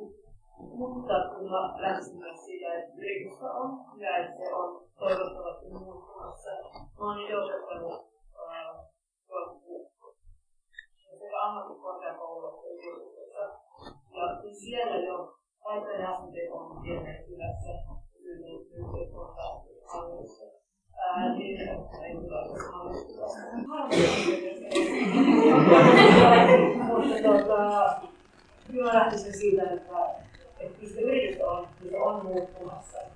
mielenkiintoisesti, mutta kaikki muutos nyt on liian hitaita, on meidän meidän niin, se on asia, koska ilmastonmuutos. Onko lisäkysymyksiä? Siellä. Kysymys on kommentti. Kiintiö se on ihan samaa mieltä, on sieltä syvältä, koska ylläpitää sitä jatkuvaa koko niin ajattelua. Mutta toisaalta ne muut kiintiöt nähdään myöskin siirtymävaiheen näitä. Niitä on moni, tuossa jutussa, niin pitää turvautua epätoivottuihin keinoihin, joilla päästään sitä yli. Mä, mä oon lämmin puolesta sen takia, että tuota, niin, Mä oon samaa mieltä, että se niin ylläpitää sellaista ajatusta representatiivisesta demokratiasta, että on ihminen, joka on ei-valkoinen, nyt meillä on ihminen, joka on ei, se on puoli homo tai puoli hetero tai jotain muuta. Oi, nyt meillä on yksi työväenluokan edustaja, poispäin. Aivan kuin tämän yhden ihmisen harteilla olisi niin koko meidän historia. Ajatellaan, silloin on kuitenkin suuri merkitys mun mielestä. Et me ollaan kiinteytetty kuitenkin mun mielestä sillä tavalla äänellä, että se on paneelikeskustelu on. Siinä on suuri merkitys, että kaikki ihmiset, jotka, jotka istuu, on, on siinä paneelissa. Kaikki, kaikki ei ole esimerkiksi syntyläisiä tai se siellä on jotain syytä. Kaikki on savolaisia tai kaikki jotain, mutta siellä on hirveän hyvä syy, että joku semmoinen juttu, jossa se todella on se pointti. Mutta niin, mun mielestä niin semmoinen, semmoinen ihan perus moninaisuus diversiteettipolitiikka, sillä on myös paikkansa. Mutta se ole se koko kertomus. Joo, mun mielestä tämä sellainen kolme, on, on tosi hyvä. Mun mielestä on aivan hillitön käydä katsomassa, jos ei ole tutujuttuja, mutta Selma on listaamaan asioita, joissa on paneelissa on kaikki mielet. Niitä on tosi paljon, ei niitä käynyt Um, Mä en sano, että, että pitkän sukupuolikiintiöt on yksilöity huono asia, mutta tietenkin se on riittämättä. Jos ajatellaan että hei, että nyt meillä on maahanmuuttajataustainen naiskansanedustaja, joka on joka tekee pikkasen arvoittavaa politiikkaa mun mielestä, niin sehän ei ole mikään tae mistään, että meillä on tämä kiintiö maahanmuuttajataustainen nainen siellä se menee vaan vähän harhaan se ajatus siitä, että me saavutetaan näillä kiintiöillä. Me ollaan saavutettu se, että esimerkiksi että hän on suunnitelma Suomen koska siinä on sanonut myös valtion puhemies. Ja tota, se on fantastinen, niin tota, niin vallankumouksen se on hieno asia. Mutta on mun mielestä siinä on, siinä on edustuksellinen merkitys. Ja se tarkoittaa sitä, että on niin moni ihmisiä, jotka Oi, en mä nyt ole ihan hetero, mutta mä nyt yritetään olla ihan homokkaan, mä nyt haluan olla niin mukana, että yritetään välttää tiettyjä kipupisteitä, jotka kuitenkin näitä nämä ihmiset tuo mukaan sen poliittisen keskustelun. Mutta eihän se voi kertoa kaikkea. Esimerkiksi Ruotsin homomiehistä suurin osa enemmistö äänestää oikeistoon. Tämä on, tämä on sellainen juttu, hei, oikeisto on vastustanut seksuaalipoliittisia päätöksiä vastaan, siis on vastustanut kaikkea sosiaaliliberaalia lukuun Se on eri, eri asia.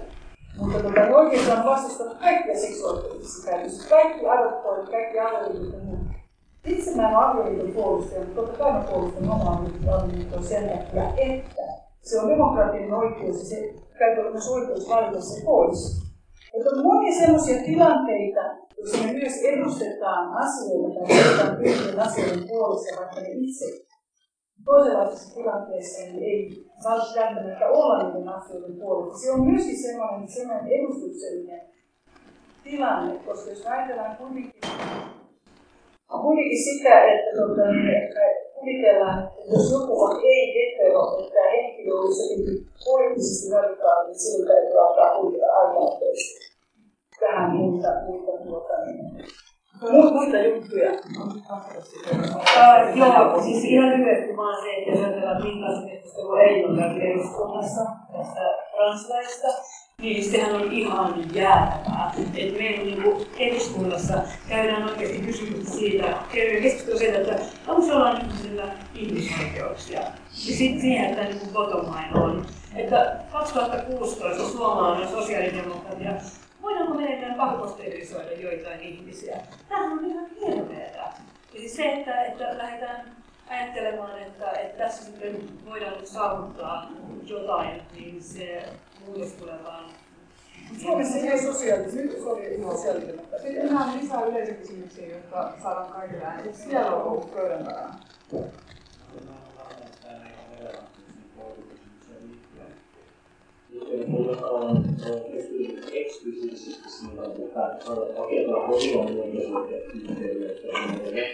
silloin on vahvisteta vahvista sukupuolia sille, että vaikka suoja, suojan niille sukupuolisille oikeus harjoittaisi tai feminiinisille nähtyjä aktiviteetteja, niin sillä tavalla vahvistaa se jako maskuliinisuuden ja feminiinisyyden.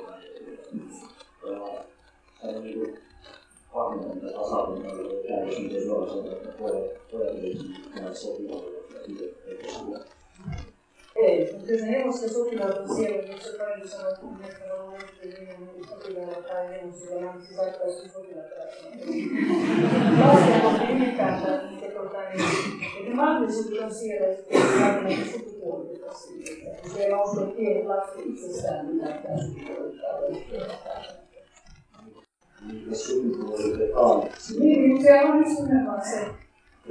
Silloin on just sukupuolitetaan, kun sanotaan, että sanotaan, että ei ole niitä ei, sitä sanotaan, vaan sanotaan sitä, että on jalkapallo, kätykää on tuota, niin, futistaa menkää sinne. Ja sitten tuolla on oli parkit, mikä leikki barrella, ja sitä niin ei se selitä, että se olisi poikia tai tyttöjä tai voisi, se on periaatteessa jo järjestänyt sillä tavalla tuota, niin oman, oman, oman, oman pedagogisen toimintansa niin sukupuolella. Niin se on puhutte eri asiasta. Joo, puhutte eri asiasta, koska uh, se mitä sä sanoit, niin totta kai se olisi ongelmat ja niin kuin näin, että silleen, niin kuin mulla ei erityisyydestä se katsota tässä on varpeisena poika tai liikkeä täällä, mutta se ei ollut varmaan meidän sairauskanta jos siellä on silloin niin minkään linjaa, mitä ei tule. Sitten siellä oli sommatana. Joo. Tota,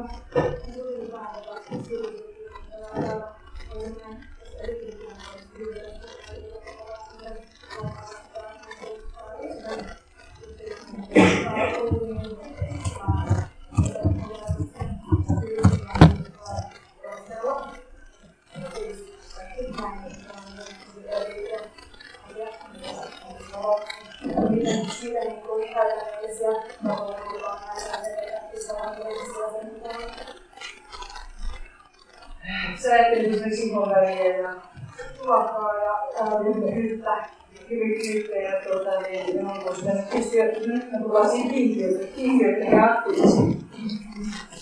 Sinänsä se on, se on mielenkiintoinen asia kuitenkin, että monet ihmiset, jotka tota, niin, puhuu näistä asioista, nyt tietysti meillä on, on siellä, että me me voi hissiä tämmöisiä, niin hyvä tuoli ja kaikki ne on voistaessa, monethan, meistä puhuu ja itse on, on tuota, niin, jatkuvasti tekemisissä asioiden kanssa, jos me puhutaan näistä asioista tai yritetään analysoida niitä, joka kuitenkin koostuu aika paljon meidän itsemme kokoisista ihmisistä. Eikö se näin ole hyvin pitkälle? Minusta on mielenkiintoista, kun mä olin kaksi puoli vuotta töissä, töissä tota, niin, Helsingissä, niin sillä kun sanoi, että, että tulee Kontulasta, niin nyt on suljettu puolta silloin. Siinä tuli vähän sellainen fiilis, että tuossa Suomessa ikään sanoa. Se on, se on mielenkiintoista tuota, niin, todella, todella nähneet, että, että miten niin feminismissä suhtaudutaan käytännössä niin tilanteisiin, jos esimerkiksi ollaan työväenluokan kanssa tekemisissä. Entisen kanssa, että edustaa työväenluokkaa, eikä siis ole tämmöisessä falskissaan vääränlaisessa uskossa siihen, mikä, mikä on myös yksi tota, niin Margaret Thatcherin niin näistä perusideoista, että kaikki puhuu keskiluokkaa, niin on keskiluokka voi hyvin, mutta ei ole ongelma. Mutta tota, jos, on, jos itse ymmärtää ja mietitään sen oman, oman tuota, luokka, luokkatilanteeseen, niin se, sehän on, siis, sehän on jotenkin se on todella, todella mielenkiintoinen kysymys, että siinä esimerkiksi naisilla, ne jotka edustaa nykyään keskiluokkaa, niin, niin monethan niistä asioista, joita tässä käytetään kanniskellaan, meidän arkipäivässä on aivan toisen luokkaa. Niin tekniikka, niin jos on paljon peruskoululainen työtä, työtä on tehty tai se tekniikka, niin se ei kuulu siinä mielessä. Ihan liikaa odotuksia. Mutta on kauhean kysymys varmasti verran sieltä, mitä sä sanoisit. Niin siis, se oli tosi vaikea kysymys, koska me ollaan usein hirveän sokeita. Eli me on ihmisoikeuksille ja kaikille niille asioille, mitä meidän ympärillä on, niin me oletaan annettuna. Se, mitä niin kuin ulkoparlamentaarinen feminismi tai aktivisti feminismi tai anarkistinen feminismi tekee, niin se pitää tehdä niin koko ajan. Näitä asioita tuottaa tietoa, kyseenalaistaa vahvasti uh, se, että, että meillä on esimerkiksi nyt ollaan viimein pääsemässä siihen keskusteluun, että esteellisyyskysymykset on tosi niin aktiivisesti läsnä, ja niitä totta kai täytyykin olla. Mutta on paljon muita kysymyksiä, mitä me ei oteta vielä huomioon. Esimerkiksi uh, lastenhoito, mun mielestä hyvin niin olennainen kysymys. Mulla oli hirveä ongelma tänään se, että minne mä lumppaan omata, koska ei sitä varmaan olisi kiinnostanut kuunnella mua tässä nyt pari tuntia. Ähm, mutta siis on tosi paljon tällaisia kysymyksiä, mihin jatkuvasti seurataan. Mä en lähtisi kiintiöittämään anarkismia tai jotain aktivismia.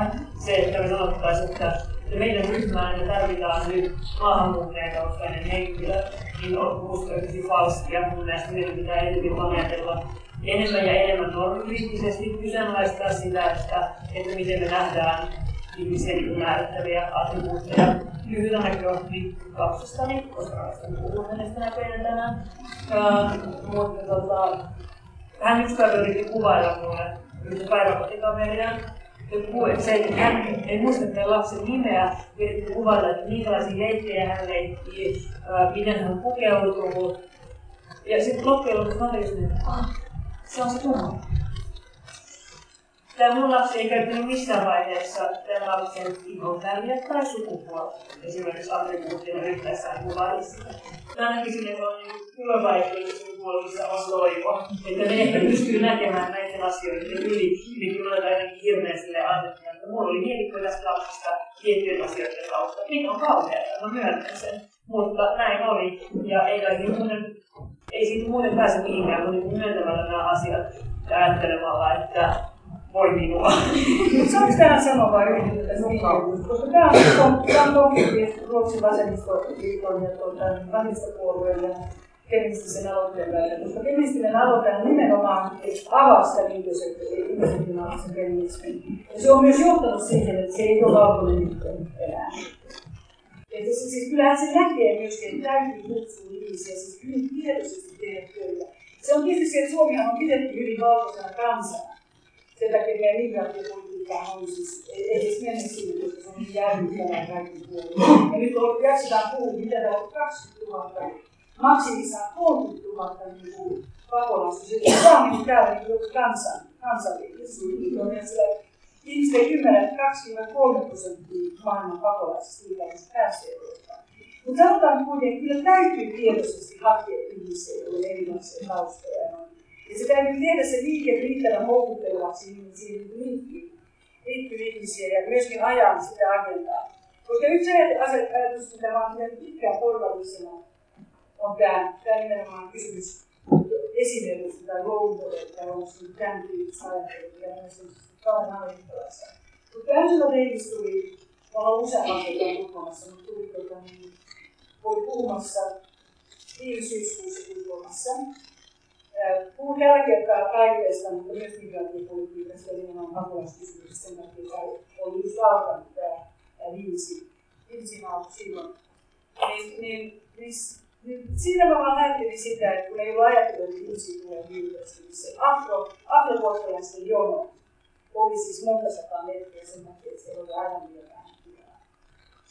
Sillä on merkitystä, mutta tämä on nyt osa vasemmistosta meidän leimannut tämän identiteettipolitiikassa ja sitä mielessä tässä on mukaan kysymys naisjutusta. Ja osa feministisestä taloudesta ei ole tämmöinen kapitalistista, koska feministinen aloite lähti siitä sen uuden jokiston kautta, ettei liittyä, ettei tarvita tätä niin oikeista vasemmista jakoa toimintaa. Ja sitten siinä on tullut se, että tässä on monenlaisia kysymyksiä, mikä on identiteettipolitiikan rooli vasemmistopolitiikassa, on identiteettipolitiikka vaan sitä, että puhutaan identiteetistä, vaan on todella kysymys myös siitä, että myös meidän liikkeissä tarvitaan liikkeitä. Ja mä oon sitä mieltä, että vasemmistopuolella tarvitaan liikkeitä. Monet meistä on lähtenyt nimenomaan feministiliikkeeseen sen takia, että on niin helvetin kyllästyneitä maksuvasemmistoa. Voi osin, et, et, et, ja mä voin vieläkin ajatella sitä, näitä tota, niin vallankumouksellisia miehiä työtymä vetomappeluilla, miten hirveästi aikaa ne vei siitä. Ja ne niin itse hyppättiin, että osataan kirjoittaa amerikkalaisten työmarkkinoiden Siellä oli valmiin vaihtoehto takana. Joo.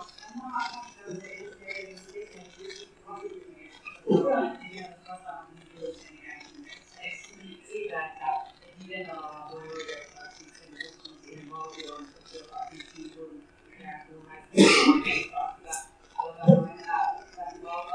joka on ikään kuin näistä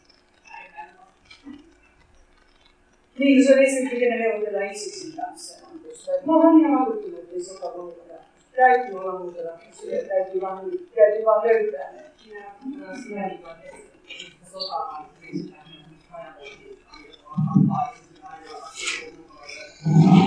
Joo, no totta kai. Siis, nehän ovat siitä ihan samaa mieltä, että tota, niin, pitää ja kaikki, kaikki asiat, niin se on, ei pelkästään tota, väkivallista, se on suorastaan rikollista kaikki puolin. Ja sitähän me ollaan tota, niin, samaa mieltä. Ja siinä vaiheessa niin ei tarvitse käyttää väkivaltaa. Se on vaan se, että, että tota, niin pistäkää aktivistiryhmä, nyt Urba, että Orban on vetänyt tota, niin, että siellä on joku, joka tota, niin, natsaa pois. Ja, että ne, tota, niin, käyttää avioliittoa siihen, että ne tota, niin, mennään naimisiin turvapaikanhakijoiden kanssa tai, tai huolitaan, huolitaan siitä, että ihmisillä on mahdollisuus onko sitä, niin toimitaan lain vastaisesti, ettei väkivaltaisesti. Se on mun Eikö me ole vaan silleen, että toimitaan oikeutetaan valtiota ja duunataan se ammuta ja sitten sitä ihan valtava teema automaattisesti. Mutta hei, otetaan siellä oli kysymys siitä kohtaa. Joo, mun mielestä miten voi tavallaan yhtäkään puolustaa sosiaalidemokratiaa Siis, okei, okay, kapitalismi voidaan toteuttaa teoriassa ilman riistoa, mutta se ei voida toteuttaa ilman kasvua. Ja taas talouskasvu on aika mahdotonta, jos meidän planeetan resurssit on hyvin rajallisia. Niin, ja siihen ei enää riitä se, että me ollaan vaan me pitää muuttaa meidän talousjärjestelmää. Jolloin koko se konsti työllisyyshakiasta on aika mahdoton. Niin tavallaan, että niin mä ajattelin sillä tavalla, että ei tosiaan kysyisi jotain sosiaalidemokraatilta, mutta tota, niin, jos mä nyt voisin olla näin naamiossa, jos niin demarit, saattaisi. Siis sosiaali, sosiaalidemokratiahan, ei se niin olisi kirjoittaa sen kahdella alalla yhteen. Sosiaalidemokratia on sosiaalista demokratiaa tai sosiaalista. Ja sosiaalidemokratia on sosiaalista demokratiaa. Se on näin. Se riippuu vähän, miten, miten, sitä, miten sitä painottaa. Näin tuota, niin siis Suomihan ei koskaan yhtänyt siihen sosiaalidemokratiaan, mikä esimerkiksi Ruotsissa oli. Ja se on tietysti se lähti nimenomaan siitä, että se yhteiskunta rauha tai se yhteiskuntasopimus oli kapitalismin ja tuota, työväenliikkeen välillä tehty. Siinähän ei ollut sillä tavalla se, että se tuota, niin, se kapitalismin kriittinen osa tai maksimaalinen osa siinä ei ollut niin kauan voimakas. Mutta tuota, niin mä kunnioitan sosiaalidemokraattisen perinteen pyrkimystä luoda meille, luoda sinne yhteiskunta, joka sopisi kaikille. Sitä, siitä me ollaan samaa mieltä siitä, mitä valmistellaan tosissaan, mitä demarit tekee tähän aina, niin siinä, siinä me voidaan olla hyvin kriittisiä. Mutta tuota, niin, mun täytyy sanoa se, että, että suhtaudun, suhtaudun vallankumouksen hyvin suurella epäilyksellä. Ja mä en halua siis mitään semmoista fundamentalistista jonkunlaista niin uusjärjestelmää, joka niin korvaisi jonkun toiselle, että mahdollisesti tuottaisi vielä, vielä paremman version siitä, mikä on jo olemassa. Ja meidän hyvin täytyy, täytyy lähteä siitä, että me että, että niin nähdään, tai jos koetaan vallankumous muutosprosessina, niin sitten on tosi olla siitä, siinä on mukaan. Mutta mulla on itse vaikea lähteä kirjoittamaan siitä, että tämmöinen utopinen vallankumouksellinen liike, liike tois, toismielilainen kaupunsuutta onnea sen takia, että mä olen vakuutunut siitä, että esimerkiksi talouden systeemi voidaan järjestää toisin ilman, ilman väkivaltaa. Joo, tuota, lyhyesti yritän kommentoida yksilöitä aktiivisesti vallankumous se, että nähdään sellaisena, että, että nyt Suomen anarkistit tarttuu aseisiin lähtee kadulle, niin se on semmoista. Mutta tota, jos siis mä ajattelisin sitä kuitenkin paljon perustavanlaatuisempana ajattelun ja toiminnan muutoksena, ja mä en usko, että, että nykyinen järjestelmä on korjattavissa, koska se on perustuu niin epätasa-arvoisille asetelmille niin suurelta osin. No, harvoilla on ne asiat, jotka ei ole myös ongelmallisia nykyisessä järjestelmässä. Um, mutta se, että, että miten se tehdään, se niin toinen kysymys, on hyvä kysymys, että niin pitää miettiä. Mutta ei nähdä myöskään lähteä siitä, että, että nyt tuomitaan vallankumous. Se tarkoittaa sitä, että me heitetään tuolit tästä mantereisesta ruokailulle Se näkee prosessin, prosessin omaksena. Annetaan tähän eteen.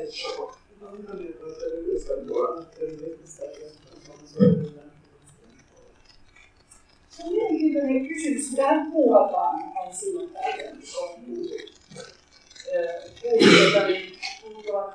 Se on, se on mielenkiintoinen, se on todella mielenkiintoinen, mielenkiintoinen kysymys.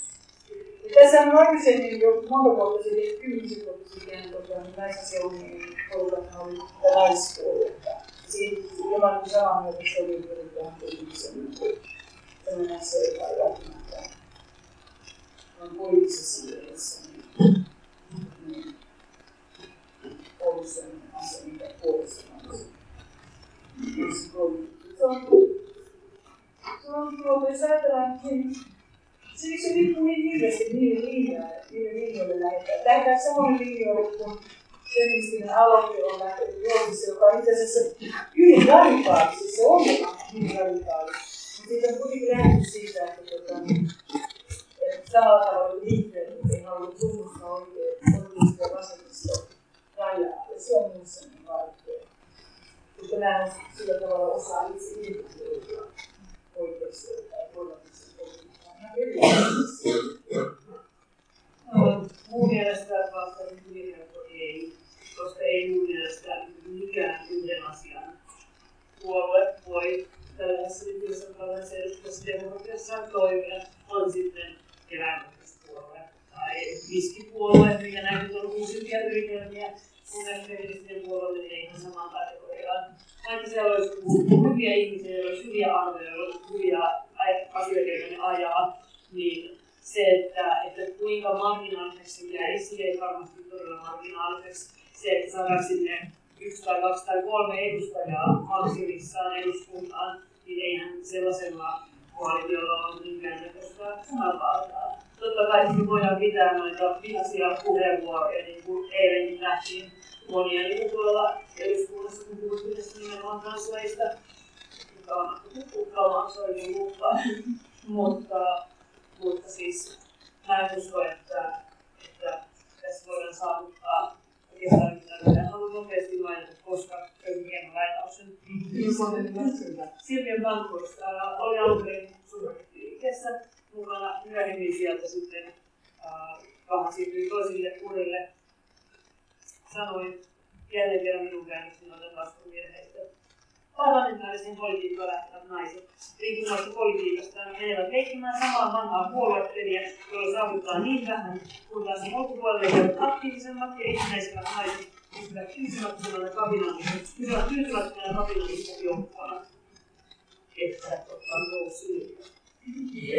Mutta ei mennään tuota niin feminististä puolelta, niin kuin tavallaan me ei muuta niitä rakenteita, jotka johtaa niihin. Me ei muuta niitä. Eli toisaalta niin se, että me ei niin nähtäisi niitä ihmiskuvakultteja tai jotenkin ei nähtäisi niitä eroja. Niin mun mielestä sekään ei ole niin ratkaisu, jos on joku syy.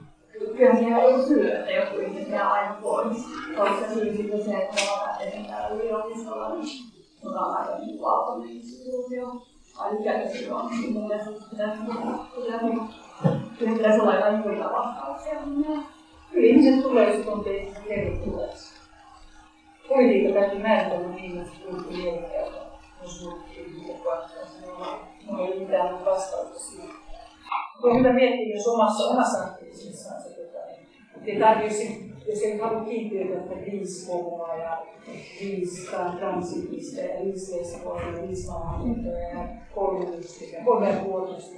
Ei niin tarvitse lähteä tämmöiselle linjalle, mutta tota, sen eteen täytyy tehdä työtä, muuten nämä ihmiset pystyy ikuisesti meidän maissa tekemään ylipäätään. Kyllä se vaatii, kyllä se vaatii tietynlaisia Joku ollut vastaus tuohon, toimisin sen mukaisesti. Se on ihan totta, että ja myös iso ajatus siitä, että, että ei nähdä enää mitään, mitään eroja ihmisten välillä, niin ei se ole kauhean realistista tai muuta, joka perusteltukaan se on, mutta siis kokoisena ajasta ei ole vastausta siihen, että, että mitä voitaisiin tehdä. Tässä on jotain, että pitää käydä. On me voidaan tehdä. Minunkin puolesta tällä hetkellä, koska mulla ei ole vastausta siihen. Sitten oli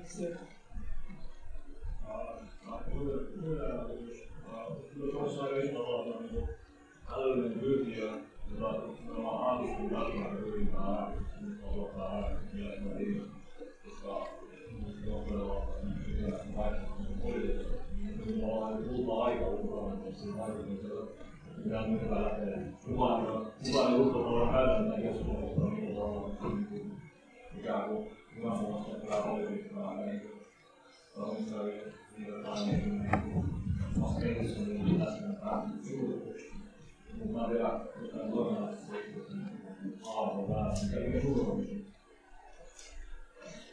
siitä, että onko nyt kulta-aika toimia. Niin, tuntuu aika tavallaan aika tyhjä, kun tuntuu, että lähiapäivänä se nyt enemmän sitä vanhaa kertomista, tuntuu olla enemmän toimintaa aartisia hyvää puolella mediassa.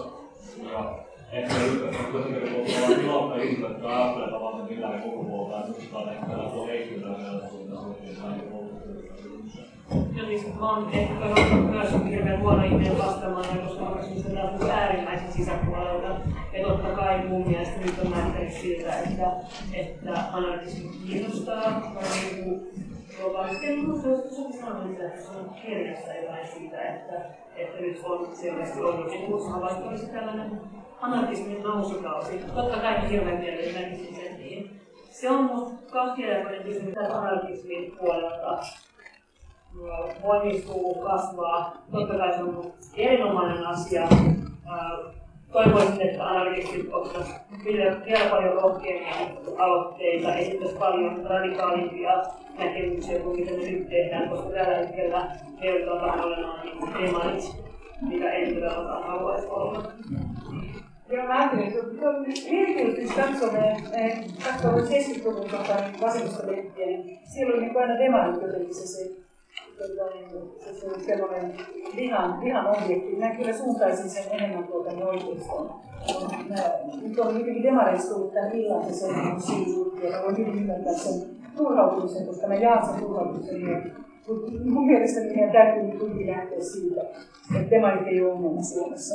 Suomessa on ongelma kehu, kokoomus ja tuota, niin, perussuomalaiset, jotka tällä hetkellä pitää sitä, pitää sitä valtaa, mutta tuota, niin, mietitään se vähän asian niin mä ajattelin, että aktivismin, suuri heikkous on se, että aktivistit, erilaiset asiat niin kuin, on tärkeitä jonkun aikaa, ihmiset jaksaa jonkun aikaa. Koska se, se vaatii aika paljon kuitenkin sitoutumista ja aikaa tehdä oman työn tai elämän ulkopuolella. Ja tietyt, tietyt liikkeet, niin on jonkun, sanotaan vaikka Occupy, tota, niin tämä 99 johon tuosta, niin on jonkun, jonkun aikaa käynnissä, sitten ne hajoaa ja ne katoaa muualle. Se, on, niinku, se liittyy paljon aktivismiin, se on hyvä asia, mutta siinä ei ole sitä, jatkuvu, sitä jatkuvuutta. Mun mielestä kuitenkin parlamentarismissa ja valtiollisuudessa ja lainsäädännöllisyydessä. Mä en haluaisi niin asua, asua jossakin, missä tota, niin ei olisi jonkinlaista lainsäädäntöä. Mä en tarkoita, että lainsäädäntö täytyy näyttää siitä,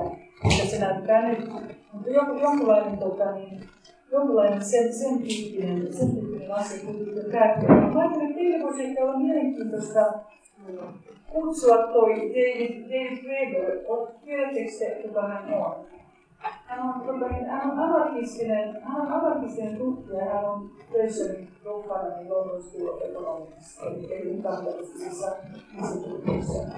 Minä olen töissä valtiollisessa yliopistossa. Suomessahan ei yliopisto kuulu enää valtiolle. Minä olen Ruotsissa valtion yliopistossa valtion duunarina. Dennis Weber on kirjoittanut, hän on anarkistinen proffa ja hän, hän on kirjoittanut useamman kirjan aktivismista. Hän on tutki siis ja on aktivisti itse. Ja anarkisti, tunnustuksellinen anarkisti. Ja siis hän saattaisi olla myös mielenkiintoinen henkilö tota, niin, puhumaan näistä asioista, mutta minusta tuntuu, että niin rinta rinnan tarvitaan niin paljon asioita, koska siis monet liikkeet, jotka sitten hajoaa ja jättää jälkeensä pelkästään muistoa, niin ei jätä jälkeensä niitä pystyviä jälkeä, joita ne tarvitaan. Ihan nopeasti vastauksena tuohon, että kyllä mäkin haluan elää jonkunlaisessa instituutiossa, jossa on sääntö. Mutta, mutta se, että miten sitä nyt määritellään ja sovitaan, kuka määrittelee, kuka niiden sisältöön voi vaikuttaa, niin sehän on anarkistinen kysymys. Eikö se ole se kysymys meille kaikille, jotka ovat tänään tavoittaa tuossa? Niin, niin, kun itse asiassa, että haluat elää, niin on jotain niin, niin varmasti. Niin, mutta siis että kuitenkin uskon myös lainsäädäntöön. Kello on Kiukutin tarkkaan päätettiin sanomaan jo loppukaneettiin. Tuolla on vähän nämä tukokysymykset, jos olet saanut henkilöisen läpi, niin sä et katsoa, että on paljon kyssäreitä. Eli mä otan, tässä on kaksi kysymystä, pitäkää lykkäisenä, pitäkää vastaatte lykkäisenä. Eka oli siellä Tikristäinen julkaissa. Kiina sanoi, että lahjoitaan tuolla keskiössä, tai korostettu, että vähän. Tai se voisi avata sitä, että tuommoinen taustaa se, että no, tuhan ihmisen, siellä alueella ja, ja voisitko kertoa vähän niin kuin... Mitä kuule, mikä on lähe? Siis, että laki pitää olla tavallaan niin merkityksellinen. Niin. Ja jos voisi avata tavallaan, että mitä kaikkea siitä sisällä. Olisi siihen sisältyy, mutta mitä? Missä vaiheessa se on välittää on merkityksellinen? Ei pakolaisia. Siis koko, koko se. Pakolaisuuden ei ole pelkästään välileessä, vaan myös koulusaatteja kausitaan merkityksellinen. Koko pakolaistilanne mitä pakolaiset käsitellään väärin sinänsä.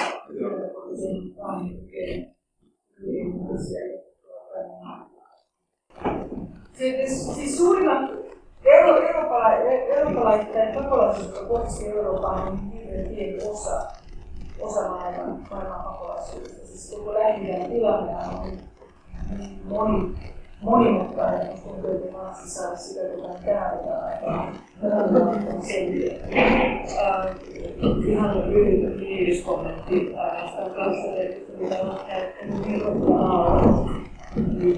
päättis, että jos nyt me ei puhuta ihmisistä tällaisilla että saa kuulostamaan joltain hallitsemattomalta luonnon ilmiöltä, kun kuitenkin puhutaan elämistä Voidaan sanoa kuitenkin, että mitä metaforaa me käytetäänkin, mutta poikkeuksellisen paljon ja kuulemma siis tähän niin liikehdintää ihmisiä, jotka, jotka pakenee tavalla tai toisella, joita nyt on poikkeuksellisen paljon. Sitä ei ole ratkaista soittaa eri Sitten on siinä mielessä. Se on hyvä. Mä luulen, että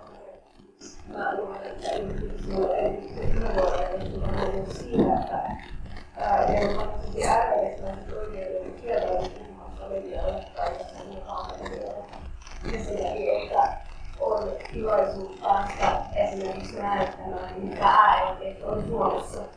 Koska tosi monet näistä piireistä ei halua tuoda medialle tai ei tuota mediaan, niin tavallaan ehkä se näkyy myös näissä keskusteluissa niin kuin, että, että meidän on toisen ihmisen puoleen kysyäkseen, että miten teillä on seitsemän No, siis valitettavasti että äärioikeutta ei kyllä Mutta siis ei. Ei Suomessa paljon varmaan ainoa, missä en ole kuullut tällaista. Kaikki eduskunnan äärioikeudessa on jatkuvasti puhutaan. Ja, ja rajat auki, sekoilus auki, Airbnb. Loppukaneet, pistäkää pavastaneet pöytään, kaikki kuinka lähtee. Voi. Sanotaan kuitenkin, että tuota, niin, jotenkin ehkä tämmöisenä kuitenkin perusoppillisena,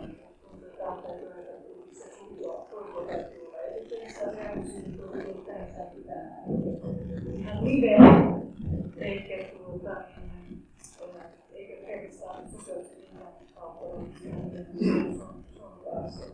Miettiä toivoa, ja sitten täytyy löytää se semmoinen omalle toiminnalle se, se, se muoto, mikä sopii. Se on, se on, se on tärkeää. Mä saan tähän kysymyksiä, mutta ei mitään ei voi tehdä. Perusta ryhmä, sitten löydät semmoista ryhmää, mikä sopii sulle. Jos on muutama trendi, ota ne mukaan ja perusta tota, niin ryhmä, tämmöinen ihan tavallinen vaan. Sitten on oma perusryhmä tapa sitä. Ja voi liittyä Ja sitten yrittää ajatella sitä, että mikä on jos on yleisvasemmisto, niin, niin, se, on monia, monia porukoita.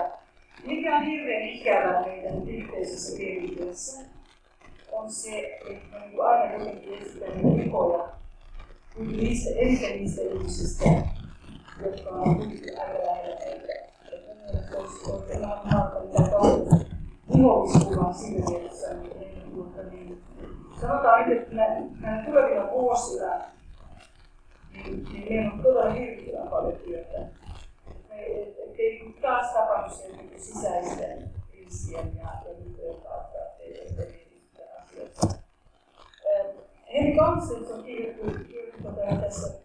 2013 kirjaa Elsa fasismi, rakastunut fasismi. Tämä siteeran tuossa, tuossa Arvoin Fransalaisella ja, ja Henri kirjoitti siinä niin, että rasismi on kuuntelutaktiikkaa. Mehän on hyvin sillä tavalla ihan, ihan orientoituneet, että se nuoret, mitä ne varastavat sanaa ja varastavat kaikkea, on tuossa esimerkiksi rakkausretoriikka, joka on rakennetaan. Mutta hänen kirjansa loppuu nimenomaan siitä, että meillähän on vaarana fasismi, fasismin vuosisataa. Ja tuota, niin, jos me niin halutaan Marine Pen tai Thomas Elander, niin sitten Ranskan seuraava presidentti, vaikka ei uskokaan parlamentarismiin, niin silloin kuitenkin se eletään poliittimukaan. Että se on vaan riippuuden aikana. Ja se ei tota, voi mitään, mitään muuta tehdä kuin yrittää, tuota, niin, mitkä edellyttää antaa toisille nämä tuota. Löytäkää sinne sopiva paikka. Ja tuota, niin sitten vaan myöskin pyytää toiminnalle, toiminnalle ja jaksaa. Sehän on aktiivista, että aktiivista on pala loppuun, niin mikä on oikeasti sen takia, se on kannattaa olla. Kannattaa, kannattaa olla, kannattaa olla. Älkää kutsumaan teille. Se on joku suhtaan. Jouko Tuhkan tota, näyttelijäkoulutusta, mutta tota, niin, ruokailu täällä on tuolla Tämä on tavallaan, että, että siinä esittää, mun on perusloppuun, että etsikää ihmisen lähetämme ja organisoitutaan. Jos ei tarvitse tehdä sitä, tehkää se, kaikki samaa mieltä siitä, minkä tällaisen toiminnan mahdollisesti halutaan, niin toimikaa, koska me ollaan yhteiskuntana siinä tilanteessa, että tuolla uusaksien katupartiot marssii kaduilla ja me katsotaan vierestä, on oppo. Niin, että jos joskus jotain tehdä, niin tehkää se nyt olisi aika korkea aika. Ähm, mutta myös haluaisin tietää esille, ollaan puhuttu paljon niin tosi kauheista asioista ja siitä, miten, miten kaikki jotenkin on romahtaneen ympärillä ja itsekin olen just nähnyt paljon, ja kukaan ei pääse pakoon joka ennen joka päivä on vielä ihan hirveältä uutisista. Äh, Anekdootti, sanotaan. Äh, Mä kuulin tällaisesta 18-vuotiaasta tytöstä, joka oli just ollut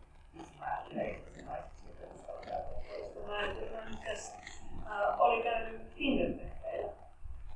Ja se oli mennyt tänne treffeille kuulemma haetaisen tyypin kanssa. Ja sitten se kertoi, että sitten jossain vaiheessa se niinku alkoi puhua jotain siitä, että mikä on paikka. Käyttää 18-vuotias kumppani oli, oli samanikäinen mies. Sitten tämä tota, tyttö oli jossain, että mitä? Että mitä se selität? Ja, ja sitten mä kysyin sieltä, että et, et se niinku ole feministi. Ja sitten sanoin, että en. Mä sanoin, luo! Ja.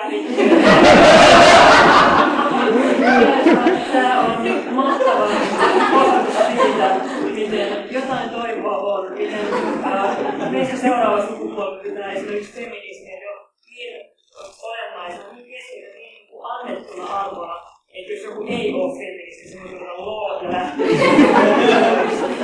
niin, mä elän toivossa, mä olen optimisti. Mä olen sitä mieltä, että vaikka meidän täytyy muuttaa radikaalilla tavalla koko meidän ajattelu, koko se, miten me nähdään itsemme toisemme yhteiskunta, kaikki nämä valtakierrot, niin toivo on, mutta meidän täytyy nousta ylös, tehdä asioita, joita kukaan ei tule tekemästä muuttuneiden puolesta, että nyt vaan ne hyllyt ylös ja mukaan toimintaan.